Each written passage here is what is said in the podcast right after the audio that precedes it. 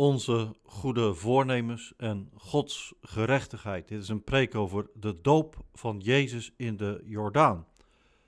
Ik lees het uit het Evangelie van Matthäus, het slot van hoofdstuk 3. De vorige preek ging over de boodschap van Johannes de Doper, dat je tot inkeer moet komen. Je moet niet denken dat je Abraham als je vader kunt hebben.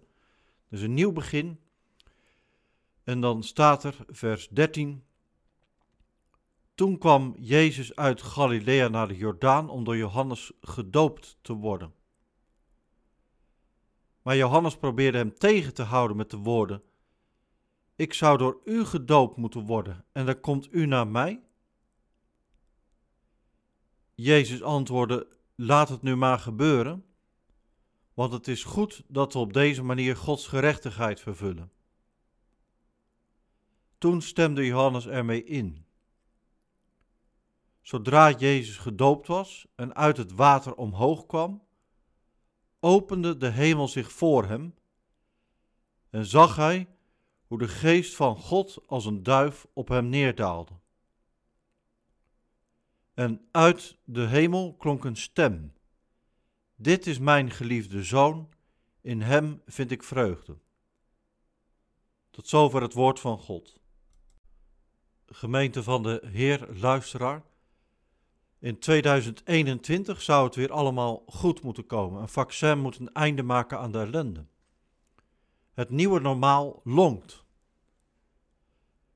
Laten we bidden voor herstel, dat COVID de wereld niet langer teistert, dat we elkaar kunnen ontmoeten, kunnen samenkomen om God te loven. Maar laten we beginnen met luisteren hoe het volgens het Evangelie goed komt. Op oudjaar luisteren we naar Johannes de Doper. Hij was asceet, heraut van en voor de Heer. Wat moet je doen om het goed te krijgen? Johannes' boodschap liegt er niet om. Berouw hebben, tot inkeer komen. Wie meent ook maar iets van zichzelf te hebben, krijgt door hem het oordeel aangezegd. Gods oordeel komt. Probeer je eens voor te stellen wat Johannes in gedachten had. Een dag van wraak en oordeel, een dag van vuur. Zoals de profeten hadden gezegd dat de dag van de Heer zou zijn. Probeer je eens voor te stellen wie Johannes in gedachten had. Johannes zelf was al buitengewoon indrukwekkend. Iedereen kwam op hem af. Degene die na Johannes zou komen, zou vast nog veel indrukwekkender, veel radicaler, veel vuriger, veel strenger zijn dan hij. Hij zou het door Johannes aangekondigde oordeel voltrekken. Johannes zegt het zo, dat hij het niet eens waard is zijn sandalen voor hem te dragen. En dan komt degene eraan voor wie Johannes de weg heeft bereid. Jezus. Wat een moment voor Gods volk en voor Johannes. Probeer het je voor te stellen. Het eerste wat er dan staat is dat Jezus naar Johannes toekomt om door hem gedoopt te worden. Johannes moet verbijsterd zijn geweest. Hij probeert Jezus ook tegen te houden. Jezus moet niet gedoopt worden, hij moet optreden. Het oordeelsvuur brengen, de bijl van Gods oordeel hanteren, de mensen kopje onderbrengen in Gods werkelijkheid. Hij moet dopen in de geest, vers 11. Dit gaat helemaal fout, moet Johannes hebben gedacht. Jezus moet terug naar het categorisatielokaal. Hij moet onderwijs krijgen, de profeten gaan lezen, de wet nog eens uit zijn hoofd leren. Gemeente, we staan aan het begin van een nieuw jaar. Wat verwacht je ervan? Waar hoop je op? Wat neem je je voor? Matthäus staat redelijk aan het begin van zijn evangelie. Hieruit Johannes is uit de startbokken geschoten. Hij gaat als een komeet. En dan komt Jezus. Gemeente, kijk naar je koning. Het eerste dat Matthäus uit Jezus' mond optekent, zijn zijn woorden dat hij komt om Gods gerechtigheid te vervullen. Zoals Jezus verderop in het Evangelie zegt: Gelukkig wie hongert en dorst naar gerechtigheid, zij zullen verzadigd worden. En ook maak je niet druk om eten en drinken. Wij zouden zeggen: maak je niet druk om COVID, om je gezondheid. Maar zoek eerst Gods koninkrijk en zijn gerechtigheid. Dan zal al het andere je erbij gegeven worden. Gods recht, Gods gerechtigheid, dat zet de toon van Jezus optreden. Zie het voor je, gemeente, luisteraar, dat moment. De rechter komt midden tussen de mensen in die onder Gods gericht staan. Hij veroordeelt niet, maar wordt een van hen. Hun schuldbeleidenis neemt hij zonder zelf schuld te beleiden op zich.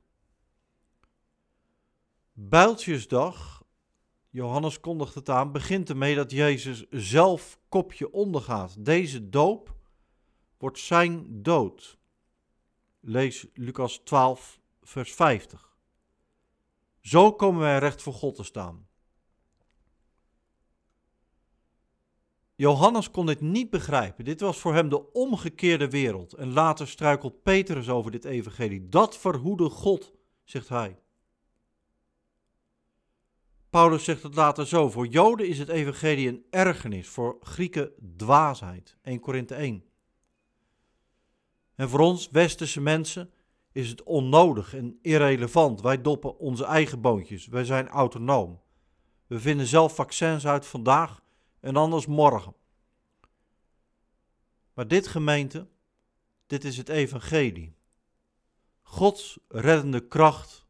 In Jezus verlost God ons van de zonde en de dood, van alle ziekte en ellende. Bij kerst hebben we het gezongen. Ere zij God. Zo is het en daarom zijn we kerk. Om God te eren en zo elkaar lief te hebben. Goed zicht op deze tekst is belangrijk. Ik bedoel daarmee dit. In de loop van de kerkgeschiedenis heen heeft de doop van Jezus altijd een bepaalde aantrekkingskracht op gelovigen gehad. De vraag wordt gesteld of komt tot uiting: Is Jezus bij de doop Gods zoon geworden? Geadopteerd? Deze gedachte is ook wel het adoptionisme genoemd. Deze gedachte uit zich op verschillende manieren. Maar gelijk is dit. De nadruk komt te liggen op de mens, op Jezus. De mens Jezus. Op het eerste gezicht lijkt deze gedachte aantrekkelijk, want het accent komt immers te liggen op mensen, op de mens Jezus en vervolgens ook op die manier op ons. Op jou en mij, wie wij zijn. Wie wij met behulp van de geest, vers 16, kunnen worden, wat we kunnen doen. En zo Jezus volgen. Wat kan daar in vredesnaam op tegen zijn? Vroeg in de kerkgeschiedenis komt deze vrome gedachte op. Maar de kerk heeft dit denken veroordeeld. Onze Heer Jezus Christus, zegt de geloofsblijdenis van Nicea, is God uit God, één van wezen met de Vader. Wie Hem ziet, ziet de Vader. Johannes 14. Laten wij er in onze tijd, waarin het veel gaat over onszelf en wat wij kunnen, maakbaarheid, laten wij erop letten, gemeente, bij het geheim van deze beleidenis te blijven. Kijk goed. Als je denkt over Jezus, als over een heel hoog, heel bijzonder iemand, een megaprofeet of wat voor geweldig dan ook, dan doe je toch iets dat lijkt op wat Johannes de Doper en Petrus in eerste instantie ook deden. ze hadden zo een eigen gedachte over wie Jezus is en waaraan hij zou moeten voldoen. Zij wilden, en dat was met alle goede bedoelingen, dat Jezus in hun straatje, hun geloofstraatje zou passen. Maar Jezus is Heer. Dat is de geloofsblijdenis. Het evangelie van Matthäus opent ermee, hoofdstuk 1. God met ons. Jezus is niet als Gods zoon geadopteerd bij zijn doop. Het evangelie zegt iets heel anders. Doordat Jezus zich liet dopen en daarmee de weg naar dat vervloekte kruis ging, gelaten 3, daardoor adopteert God ons in Hem als Zijn kinderen. Zo blijkt Gods gerechtigheid. De doop van Jezus brengt hij terug bij kerst. Jezus bevrijdt van zonde. Matthäus 1, vers 21. Alleen Hij kan dat doen. Er is geen andere manier om Gods kind te worden en gelukkig maar. God heeft het zo besloten. Op deze, voor ons ongedachte manier. En Hij voert het uit, hoogstpersoonlijk. Bij de doop van Jezus zeggen we hetzelfde als bij kerst. Ere zij God. En bij Jezus doop kijken we ook vooruit naar wat er volgt in Matthäus, hoofdstuk 4. Jezus' verzoeking in de woestijn. Jezus zet de val, de zondeval, recht.